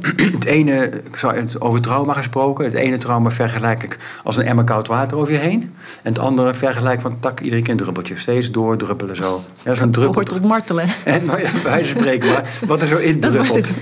Dat, is een van de marteltechnieken volgens ja, mij. Ja, oké. Okay. bedoel niet per se op je hoofd te zijn, maar dat hier valt daar en ja, daar. Ja, maar constant eigenlijk zo, zo erin druppelt. Hè. Dat is en uiteindelijk een... word je bij beide situaties even nat. Ja, exact. Okay, ja, mooi. Ja. ja. God, de vergelijking niet zo ver doorgetrokken oh, nog, maar heel mooi. ja. ja, precies. Nou, en waar komt het doorgeven nou vandaan? Um, als ik uh, in mijn leven in mijn jeugd een trauma opgelopen heb, hè, een druppeltrauma of uh, spontaan trauma, maakt niet uit, dan ben ik dus een getraumatiseerd persoon. Als ik een kind opvoed, uh, dan doe ik dat door de filters heen van mijn trauma. Dus uh, ik zie dat kind op een bepaalde manier. Ik geef het kind bepaalde dingen mee van binnenuit, maar door de filters van het trauma. Dus ik kan het kind niet werkelijk helemaal zien zoals het is en wat het nodig heeft, welke behoeften het heeft. Maar mijn eigen behoeften die weggestopt zijn of uh, die getraumatiseerd geraakt zijn, die worden daarin meegenomen. Dus op die manier voed ik mijn kind op. Bovendien voelt het kind aan helemaal wat ik als vader nodig heb als ik behoeftig ben. En het kind gaat dan mijn behoeften misschien zijn er tekorten door dat trauma ontstaan, gaat de behoefte invullen voor mij. Want het enige wat het kind wil, is dat het met de ouders goed gaat. En dat is vanuit de onbewuste liefde van het kind voor de ouders. Wat meteen meeneemt, want het beste wat je voor je kinderen kan doen als ouders zijnde, is heel goed voor jezelf zorgen. Dat het jou als ouder heel goed gaat. Dat de kinderen niet de behoefte voelen om de ouders te ondersteunen en te dragen en nou ja, daar loyaal aan te zijn. Dat het kind gewoon kind kan zijn en op zijn eigen unieke manier zich kan ontwikkelen. Ja. Dat is eigenlijk het beste wat je kind kan doen. De ruimte geven, veiligheid bieden om zich op een eigen manier te ontwikkelen en voor de rest vooral het proces daar laten. ja, mooi. Um, dan nog eventjes een stukje over kennis. Want ehm, in de. dit klinkt heel oneerbiedig, maar zo'n, ik noem het heel vaak de spiriwiri-wereld. Ik moet daar een ander woord voor gaan bedenken. Want het... Nou, als je een ander woord gevonden hebt, zeg het mij dan ook even, want ik gebruik hem ook altijd. Oh. De spiriwiri-wereld. Oké, ja, nou goed. Dan, dan hoor ik af en toe voorbij komen van ja, ik, uh, ja, ik, ik, nee, ik hoef geen uh, boeken meer te lezen en ik hoef geen podcast meer te luisteren, want alle kennis zit in mij. En dan denk ik altijd, ja, dat klopt. Alle kennis zit in mij. Maar wat, wat voor mij heel erg uh, geholpen heeft, is al die boeken en al die podcasts en al die trainingen die ik heb gedaan en zo. Die hebben mij heel erg geholpen om woorden te geven aan inderdaad wat er in mij zit. En uh, hoe kijk jij naar kennis? Want je zei het in het begin al even, ja, kennis. Uh... Ja, nou, ik onderschrijf helemaal wat jij zegt. Ik kan het niet beter kunnen zeggen. ik ben het helemaal met je eens. Um, eigenlijk zou je kunnen zeggen, um, alle informatie zit in jou. Niet alle kennis, maar alle informatie die zit in jou. Jij bent die informatie, dat zit in jou. Maar om die informatie kennis te laten worden, dat vraagt, uh, nou ja, dat vraagt processen. En dat vraagt misschien ook woorden om die informatie uh, te laten bezinken in jou. Dat het niet meer alleen maar informatie wordt, maar dat die informatie echt kennis geworden is. Echt een kennen van binnenuit. En daarom is kennis ook niet wat je kan overdragen. Ik kan alleen informatie overdragen aan jou bijvoorbeeld. En jij kan die informatie misschien voor jezelf tot kennis maken. En dat kennis laten worden. Maar en wijsheid, hoe komt die hier dan bij kijken? Um, ik vermoed dat wijsheid heel erg verbonden is met dat, die kennis. Met die innerlijke kennis. Want kennis gaat voorbij aan, um, aan, aan weten, hè? Aan, aan dingen weten. Uh, weten kan heel zinvol zijn, zeer zeker. Maar kennis en wijsheid, en dan gaat het altijd over kennen over jezelf. En vanuit jezelf, wat je jezelf kent, dan ken je alles. En daar zit wijsheid mee verbonden. En wijsheid natuurlijk ook van het handelen wat uit die kennis voortkomt. Want wijsheid zonder handelen, ja, is net als inzicht zonder handelen. Het brengt je nergens. Nee. Ik ben ook wel nieuwsgierig. Ik heb soms dan vertellen mensen iets, mij, uh, iets aan mij. En dan, uh, en dan, dan uh, zeg ik, wil ik eigenlijk het liefst zeggen: nee, klopt niet. En dan denk ik, nou, waar komt dat nou vandaan? Uh, herken je zoiets? ja, zeker. Wat is dat? dat is het ego. Dat is het ego van wat, wat iets weet en wat iets kent. En dan onmiddellijk zeggen van nee, dat klopt niet. En het kan, het kan zijn dat het klopt ook, hè, dat het niet klopt, mm -hmm. zou ik maar zeggen. Um, en afhankelijk van in welke situatie je zit, is het, uh, kan het helpend zijn om die persoon te zeggen: goh, als ik het zo zie, wat je zo zegt, wat je zo beschrijft, als ik het zo klopt voor mij niet helemaal. En de manier waarop ik het zie is dit en dit. En dan ga je eigenlijk een dialoog daarover. Maar als je meteen zegt: het klopt niet, dan roept meteen, meteen ook weerstand op, natuurlijk. Hè? En dat is, uh, maar ja, in je enthousiasme, die ken ik zelf ook wel, heel goed, uh, kun je geneigd zijn dat zo boem te poneren. Ja, en, en, wijsheid is dan weer om dat te zien van jezelf en dat uh, terug te houden, de ander de ruimte te geven en dan uh, nou ja, te zeggen hoe jij het ziet. Ja, ja mooi. Mooi. Um, we, uh, we begonnen met uh, dat ik dat vertelde van uh, zelfkennis, zelfbeheersing. En toen zei hij, zei hij nou, het is vooral jezelf kennen. Ja. Wat, en, en, en misschien dan toch wat kennis hebben over je familie en zo. Wat hoort daar nog meer bij? Over jezelf kennen. Wat moet je van jezelf kennen dan? Nou, je belastende patronen. Dat, is, uh, dat is het voornaamste. Je, je eigenheid, wat, wie je bent hè, op deze planeet, uh, die heb je. Dat, je. is je gezonde ego. Maar al die belastende patronen die er overheen zitten, uh, daar kennis van opdoen, zodat ze zich los kunnen laten voor jou, dat is natuurlijk heel helpend. Um, nou ja, verder je, je wijsheid gebruiken, vooral om zo min mogelijk te doen. Dat, dat je ook daar andere mensen hun processen in gunt en laat. Dat is natuurlijk een belangrijke. Dat is bij een opstellingenwerk ook heel belangrijk. Dat je, je initieert het proces. Het proces komt op gang. Je doet daar wat interventies in. Maar voor de rest laat je het helemaal bij de cliënt. En het loslaat. Was de vraag ook alweer? Nou ja, dat... dat uh, jij zei, nou ja, vooral ken jezelf. En ik ben dan uh, nieuwsgierig van... Uh, nou ja, waar moet ik naar onderzoeken dan misschien? Nou ja, je hoeft niks te onderzoeken.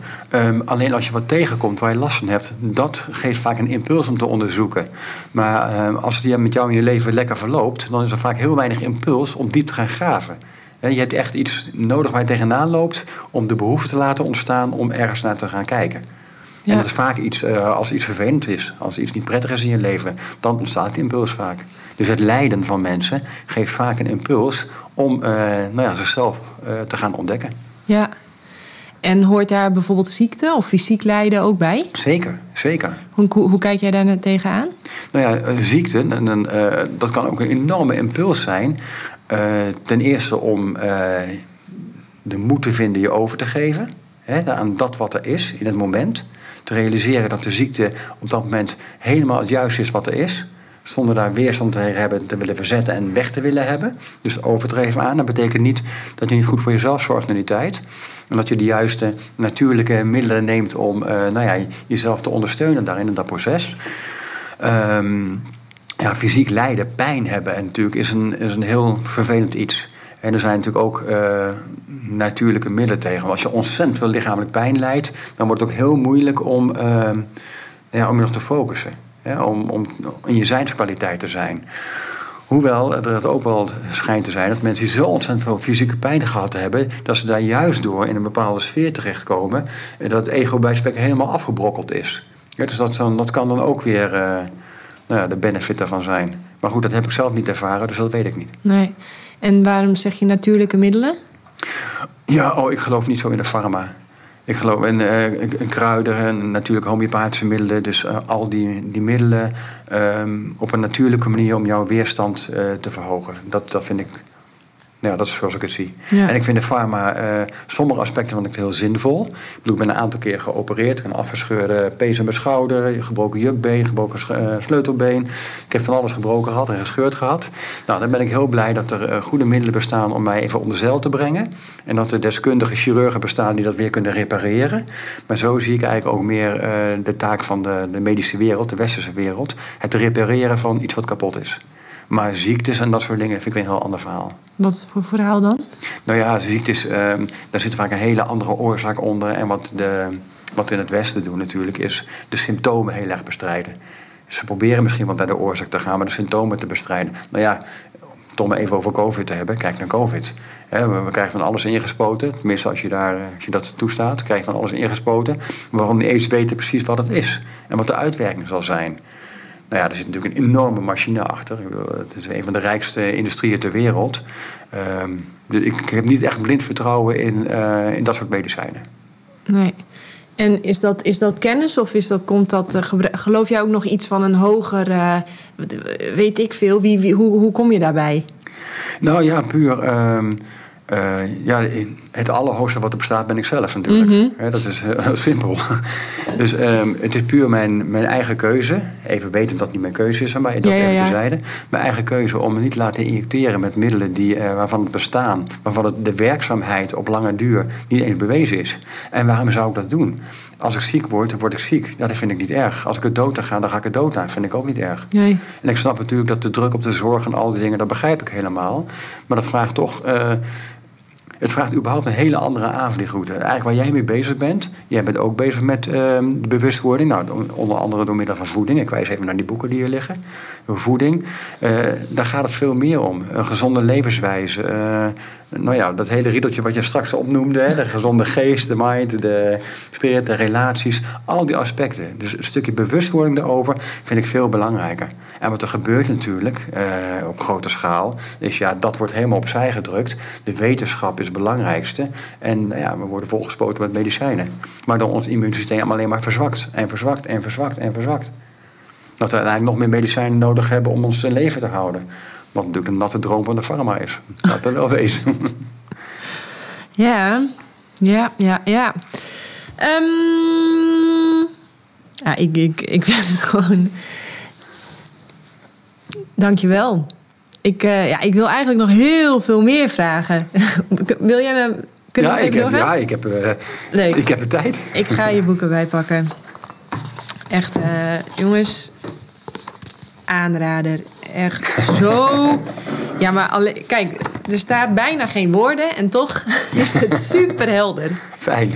Ja, ik wil ook veel witregel. Uh, wat ik ook heel leuk vind, dat doe ik namelijk ook je hebt uh, heel veel Eckhart Tolle geciteerd. Ja. Wat, wat, wat, wat wat heeft hij in jouw eh, leven voor rol gespeeld? Nou ja, zijn inzichten en, ehm, en hoe hij dat verwoordt. Want eigenlijk, ik doe eigenlijk hetzelfde als jij. Eh, ik lees vrij veel op dit gebied. Puur om, hey, welke woorden kan ik nou gebruiken om het zo helder mogelijk over te brengen wat ik over wil brengen. Ja. En er zijn er zoveel woorden over geschreven die ik zelf niet kan bedenken eigenlijk. Die creativiteit heb ik niet.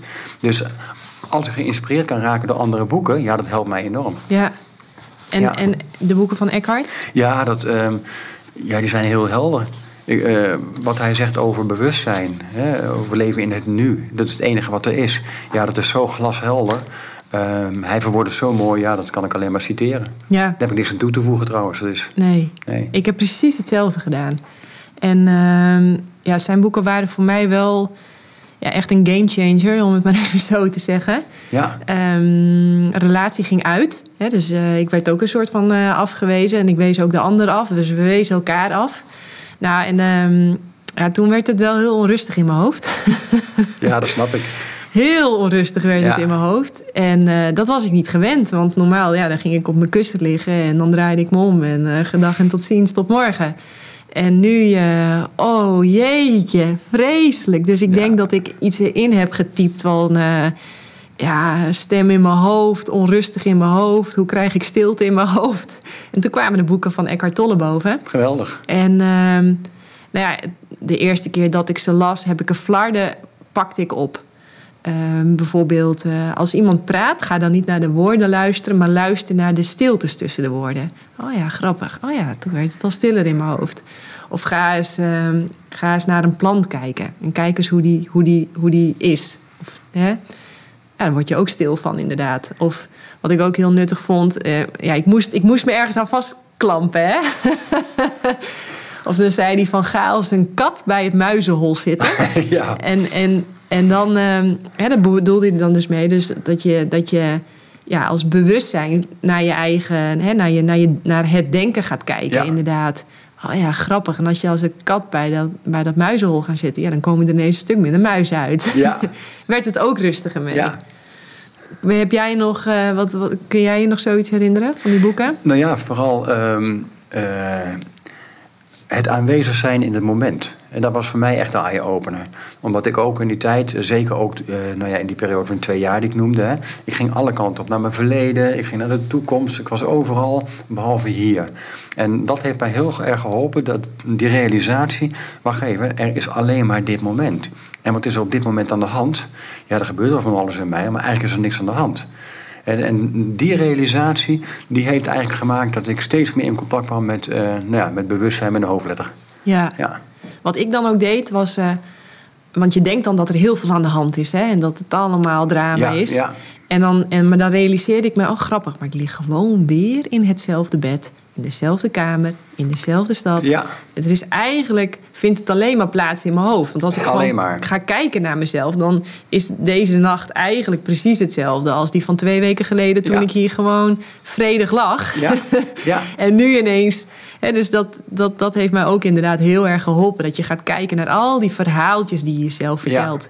Ja. En inderdaad, dat, dat, dat heen en weer van... oh jeetje, maar nu kan ik nooit meer iemand anders vinden. En had ik maar... En dan weer naar het verleden. Maar Ja. had ik dan niet... Och, Ja. nou ja, je wordt er al... Als je erover praat, word je er al... is het al vermoeiend. Hè? is het al vermoeiend. Ja, ja, en de feiten zijn het alleen maar gebeurtenissen. Maar van die gebeurtenissen maken wij, ons, ego, maakt daar enorme verhalen van. Dramaverhalen. Maar het zijn alleen maar gebeurtenissen. Ja. Wat gebeurt er? De relatie gaat over. Is dat pijnlijk? Ja, het is pijnlijk. Oké, wees met die pijn, hè, het rouwproces en zo. Dat is wat er gebeurt. En alle rest is alleen maar verhaal. Maar het ego, de belaste ego, is dol op die verhalen.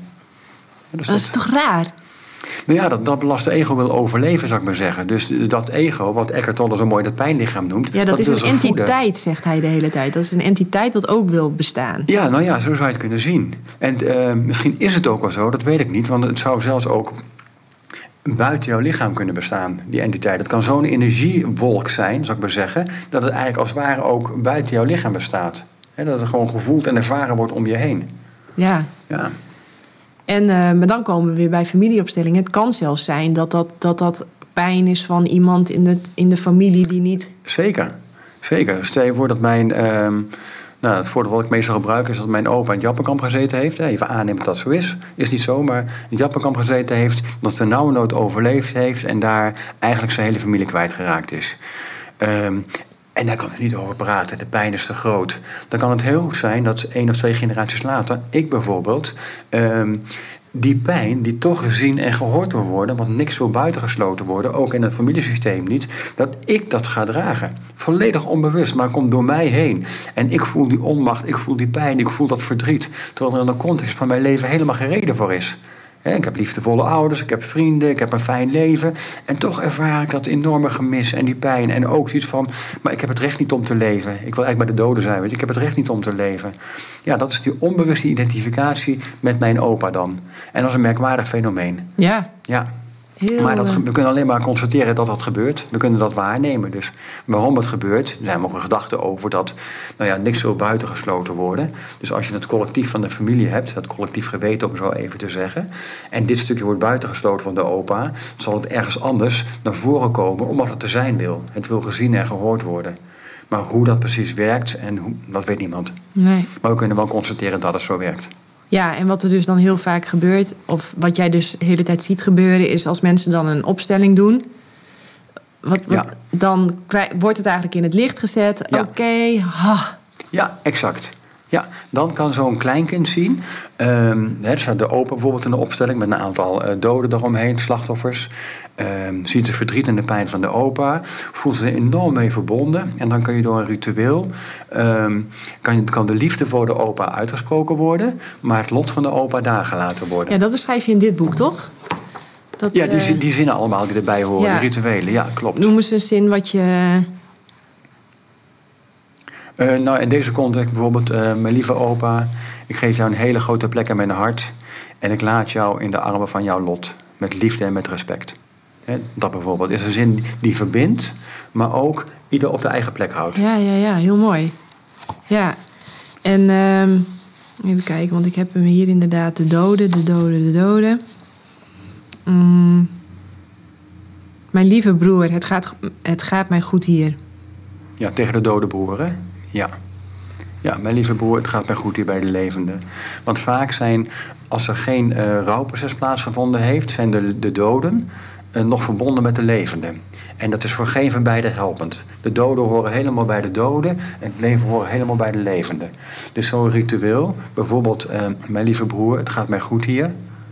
Of dat het dode broertje zegt tegen de levende zus: Mijn lieve zus, het gaat mij goed hier bij de doden. En je, uh, je eert mij het meest als jij het je goed laat gaan.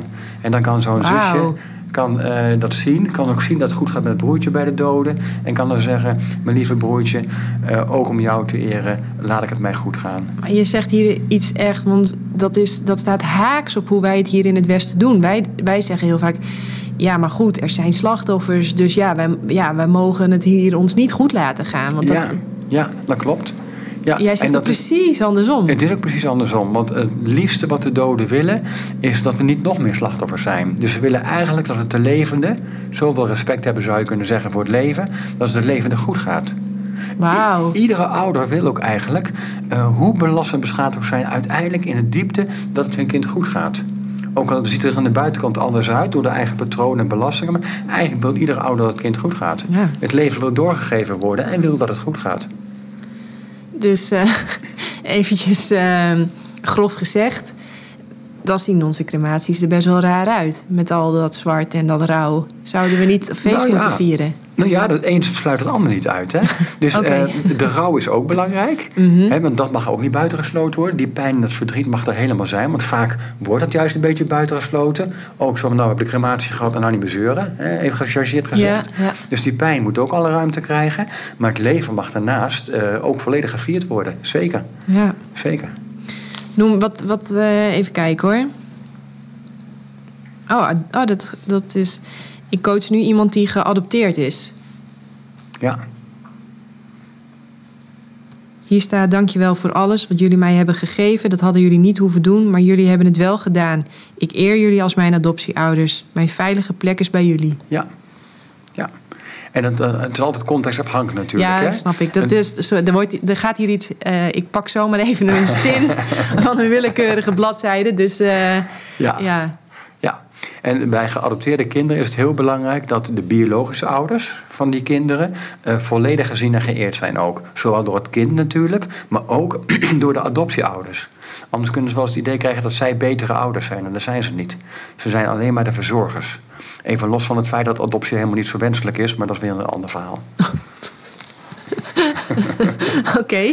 Ja, een collega van mij, uh, Hilbrand Westra, die is daar een expert in. Hij is zelf uh, Zuid-Koreaans, geadopteerd. Mhm. En die is er helemaal in verdiept. En die uh, ja, is er echt gewoon een van de grootste experts in geworden op het gebied van adoptie en migraties. Dus die, waarom is dat. Nee, kun je er kort iets over zeggen? Of is dat ja, heel kort. Ja. Ehm, ieder kind uh, hoe pijnlijk de situatie ook, is het beste af uh, bij de eigen ouders. Hoe pijnlijk ook, zelfs als ook kind sterven daar. Maar daar is het beste af. En ergens anders heen geplaatst worden, helemaal uit de context van de eigen leefomgeving ook, om eigenlijk de behoeften van andere mensen te vervullen. He, want die vervullen hun eigen behoefte door een adoptiekind te willen. Er is niks slechts mee, het is geen verkeerde bedoelingen, maar het is niet helpend. Het is niet, uh, nou ja, juist zou je kunnen zeggen voor het systeem. Het is belastend. En dus ieder kind hoort eigenlijk gewoon in het eigen familiesysteem thuis en dient daar grootgebracht te worden. Heeft dat, heeft dat uh, te maken met, uh, dat woord hoor je ook vaak, zielsmissie? Zielsmissie ken ik niet. Ik ben niet zo van de missie, maar ehm, wel met de juiste plek van het kind. En de juiste plek van het kind is in de eigen geboortegrond bij de eigen ouders, hoe zwaar het ook is. Hm, ja. En, en als dat niet mogelijk is, uh, dan uh, is het beste als het kind bij een familielid terechtkomt. He, zo dichtbij mogelijk eigenlijk. Maar als alles helemaal niet mogelijk is, ja, dan moet het kind ergens anders ondergebracht worden. Maar nou, rond een adoptie, daar kleven nogal wat dingen aan. Hm, hm. Wat ik ook heel fascinerend vind, is, uh, dat heb ik Els van Stijn ooit horen zeggen. Um, dat uh, als er een uh, abortus plaatsvindt, dat het later iemand in, het, in, in dat gezin vaak. Nou ja, in ieder geval, daar houdt het uh, familiesysteem ook niet van. Nou, het hangt ervan af. Oké. Okay. Je, hebt, je hebt twee soorten abortus, zou je kunnen zeggen. Okay. Als je een abortus hebt die. Um, uh, als ik het even gechargeerd zeg weer, ja, ja, ja. een beetje onverschillig uitgevoerd wordt. Oh shit, bezwanger, hij komt even niet uit. Weet je, oké, okay, uh, aborteren. Um, dan zal het ongetwijfeld in een één of twee generaties daarna, of misschien in dezelfde generatie bij de eigen kinderen, uh, zal dat naar voren komen. Zal iemand daarmee geïdentificeerd raken? Overigens betekent dat ook vaak dat de relatie in de diepte tussen beide ouders afgelopen is. Want eigenlijk zeggen ze, datgene wat ons ten diepste verbonden heeft nu, daar zeggen we nee tegen. Volledig onbewust natuurlijk, maar de diepte van de relatie is over, ook al blijven ze nog bij elkaar. Het is een hele andere situatie als stel jij raakt zwanger en het komt echt helemaal niet uit in jouw levenssituatie. En stel wij hebben een relatie en we, oh verdorie, ja dat is zwanger geworden, oh dat was helemaal niet de bedoeling en oh het komt zo niet uit en we gaan erover nadenken en ja nee, ja, toch is het beste op dit moment om een abortus te doen. Nou, allebei zijn we het over eens. We gaan allebei door een rouwproces heen. We rouwen erom, we vinden het verdrietig. En met die pijn uh, wordt het kind geaborteerd. Dat verbindt ons meer. Want we hebben samen iets doorgemaakt, heel bewust. Een heel pijnlijk iets wat ons verbonden heeft. En het kind is daarmee ook helemaal gezien eigenlijk. En dan zal het niet terugkeren in de zin van uh, dat een later familielid zich daarbij identificeert.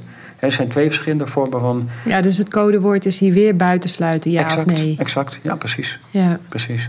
En um, waarom is het. Waarom, en miskramen, waarom is dat ook zo belangrijk om. om um, He, dan, he, dat heb ik Els dan ook wel horen vragen: van hoeveelste kind ben je? En dan denken ze heel vaak: oh, ik ben de oudste. Uh, maar dan zijn er bijvoorbeeld miskramen voor geweest. En dan zeggen oh nee, je bent dus eigenlijk uh, nummer vier, ik noem maar wat. Ja, je bent het oudste levende kind. Maar uh, er waren nog een paar uh, mogelijkheden voor je. Niet iedere miskraam um, uh, heeft behoefte aan de plek, zou ik maar zeggen. Oh, oké. Okay. Dus niet iedere, niet iedere miskraam hoeft gezien te worden in die zin. Ook als een miskraam, als er omgerouwd wordt, heeft de plek gekregen. En dan? dan... En dan, dan is dat in de ordening, kan het ook weer anders zijn. Maar in feite kun je dat pas ontdekken in een opstelling door het neer te zetten. En dan weet je hoe belangrijk het wel of niet is. Okay, Want ja. niet alle miskramen uh, hebben een flinke impact op het systeem. Oké. Okay. Mm. En um, um, kun jij, wat, wat is, hoe definieer jij blauwdruk? Ja, eigenlijk, ja, dat is een goeie. Uh, hoe definieer ik blauwdruk? Uh, eigenlijk als het basispatroon uh, waar een familie uit bestaat. dus de, ehm, de, vader, moeder, broertjes, zusjes, opa, oma's, noem maar het hele familiesysteem. Mhm. En dat is de blauwdruk met daaroverheen uh, de belastende patronen. Want de blauwdruk zou je kunnen zeggen is eigenlijk uh, het, gezonde, het gezonde deel. Okay. Een vader en moeder die allebei bewust zijn. De kinderen die in de juiste ordening uh, in het leven staan. Het eerste kind komt op de eerste plaats, het tweede op de tweede. Het derde kind dat overleden is, blijft de derde positie houden. Het vierde kind heeft de vierde positie. Uh, de kinderen de ruimte geven. De belastende patronen die ouders hebben eventueel, of wat ze tussen elkaar hebben, houden ze bij hunzelf. Dat dealen ze samen mee. Houden ze de kinderen op een goede manier buiten. En niet het allemaal geheim te houden. Maar door dat gaat jullie niks aan. En dat is iets tussen de volwassenen. Mogen jullie helemaal buiten blijven. Sjoe, sjoe, sjoe. Gaan we lekker spelen. Dat is eigenlijk een gezonde blauwdruk. Ja. Maar omdat er altijd belastende patronen zijn, bijna altijd, ja, zitten er over die blauwdruk heen ja, al die, die filters, die patronen, die belastingen. Nou ja, en een opstelling is bijvoorbeeld een manier om daar inzicht in te krijgen en ja, daar wat meer ruimte in te krijgen. Mooi. Even kijken.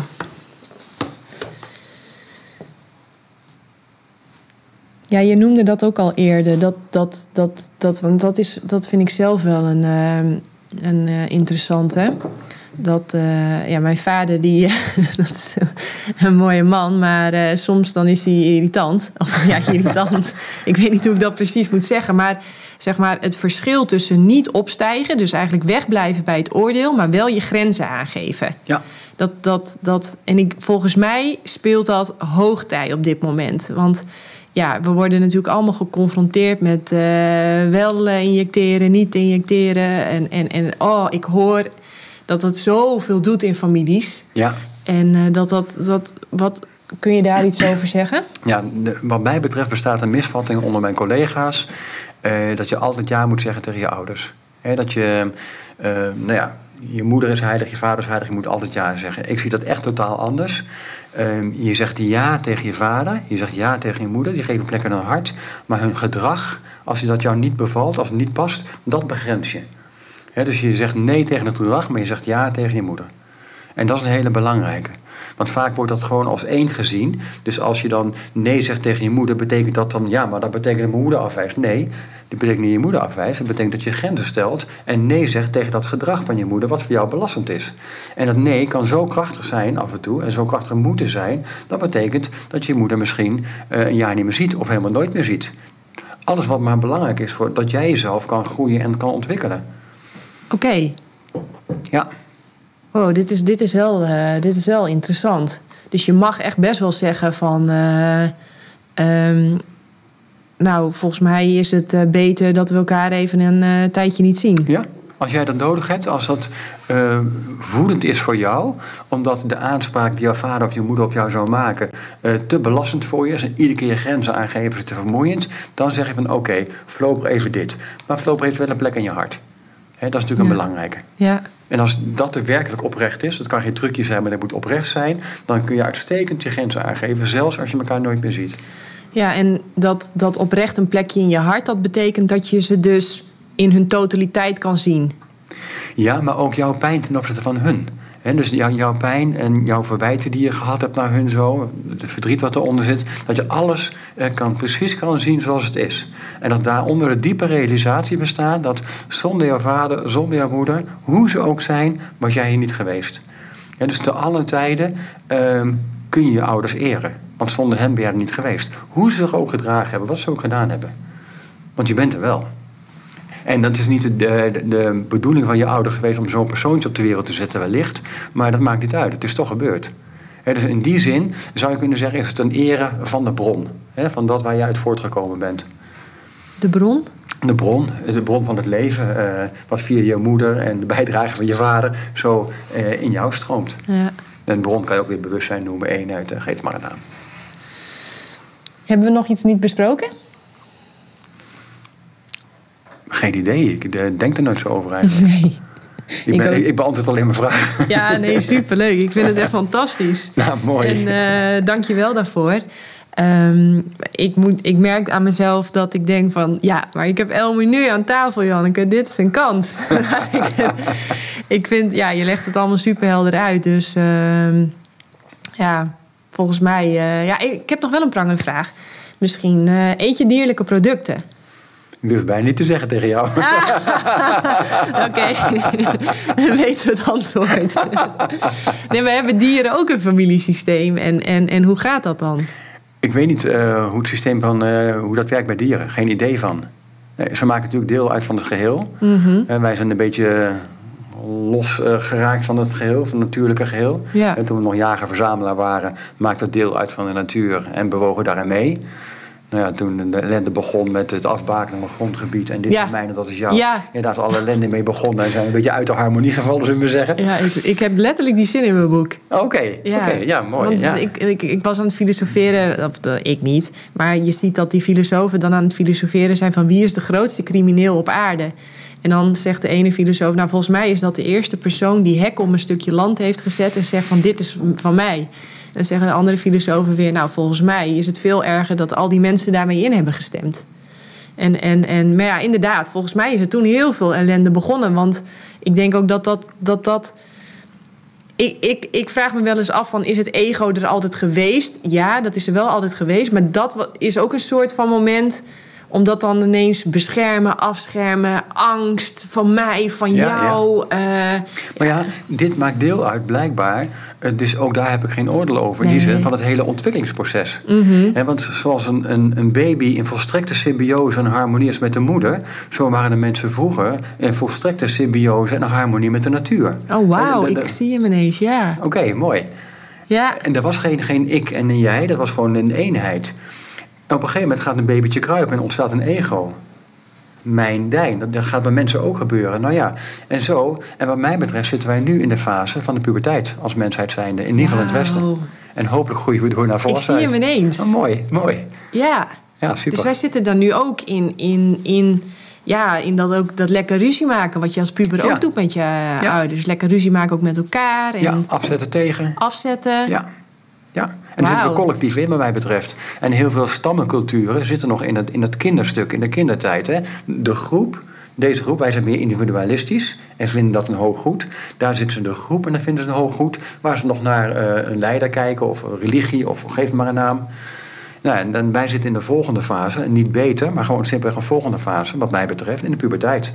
En hopelijk groeien we uiteindelijk door naar volwassenheid. Dus als ik jou een glazen bol geef, ga dan eens praten? Ik heb geen idee. Ik heb werkelijk geen idee waar het heen gaat. Werkelijk niet. Nee. Nee, maar als we dat patroon van zeg maar eh, kind, puber, volwassen... dan Ja. zou het dus betekenen dat wij met de aarde ook van... ehm, van kind naar puber, dat we straks ook naar een volwassen gaan. En, Klopt. Als we de puberteit overleven, zal ik maar zeggen, dan gaan we naar volwassenheid toe. Het is niet zeker of we de puberteit overleden, overleven. Dat weet ik niet. Oh, wauw. Ja, Nou ja, goed. Wat Ja. maakt het uit? helemaal niets. Nee, want heeft het leven zin dan? Totaal niet. Het leven is volstrekt zinloos. Daarom is zingeving een werkwoord. ja, exact. En niet eens zo'n zinvol werkwoord. nou jongens, ik denk dat we het hiermee gaan afsluiten. en dan lachen we dan ook nog keihard om. Ja, natuurlijk. Dat is toch leuk? ja. Nou, mooi. Ehm, ja, Helmer, we gaan afsluiten. Oké, helemaal goed. Ja, prima. Heel erg uh, dankjewel voor het kijken. Vind je dit gaaf? Deel het op je social media. Like het. Nou ja, je weet, jullie weten beter wat te doen dan ik. Um, ga naar jannekevandermeulen.nl. Daar kun je doneren, zodat we verder kunnen met het werk. En dan zie ik je heel graag een volgende keer.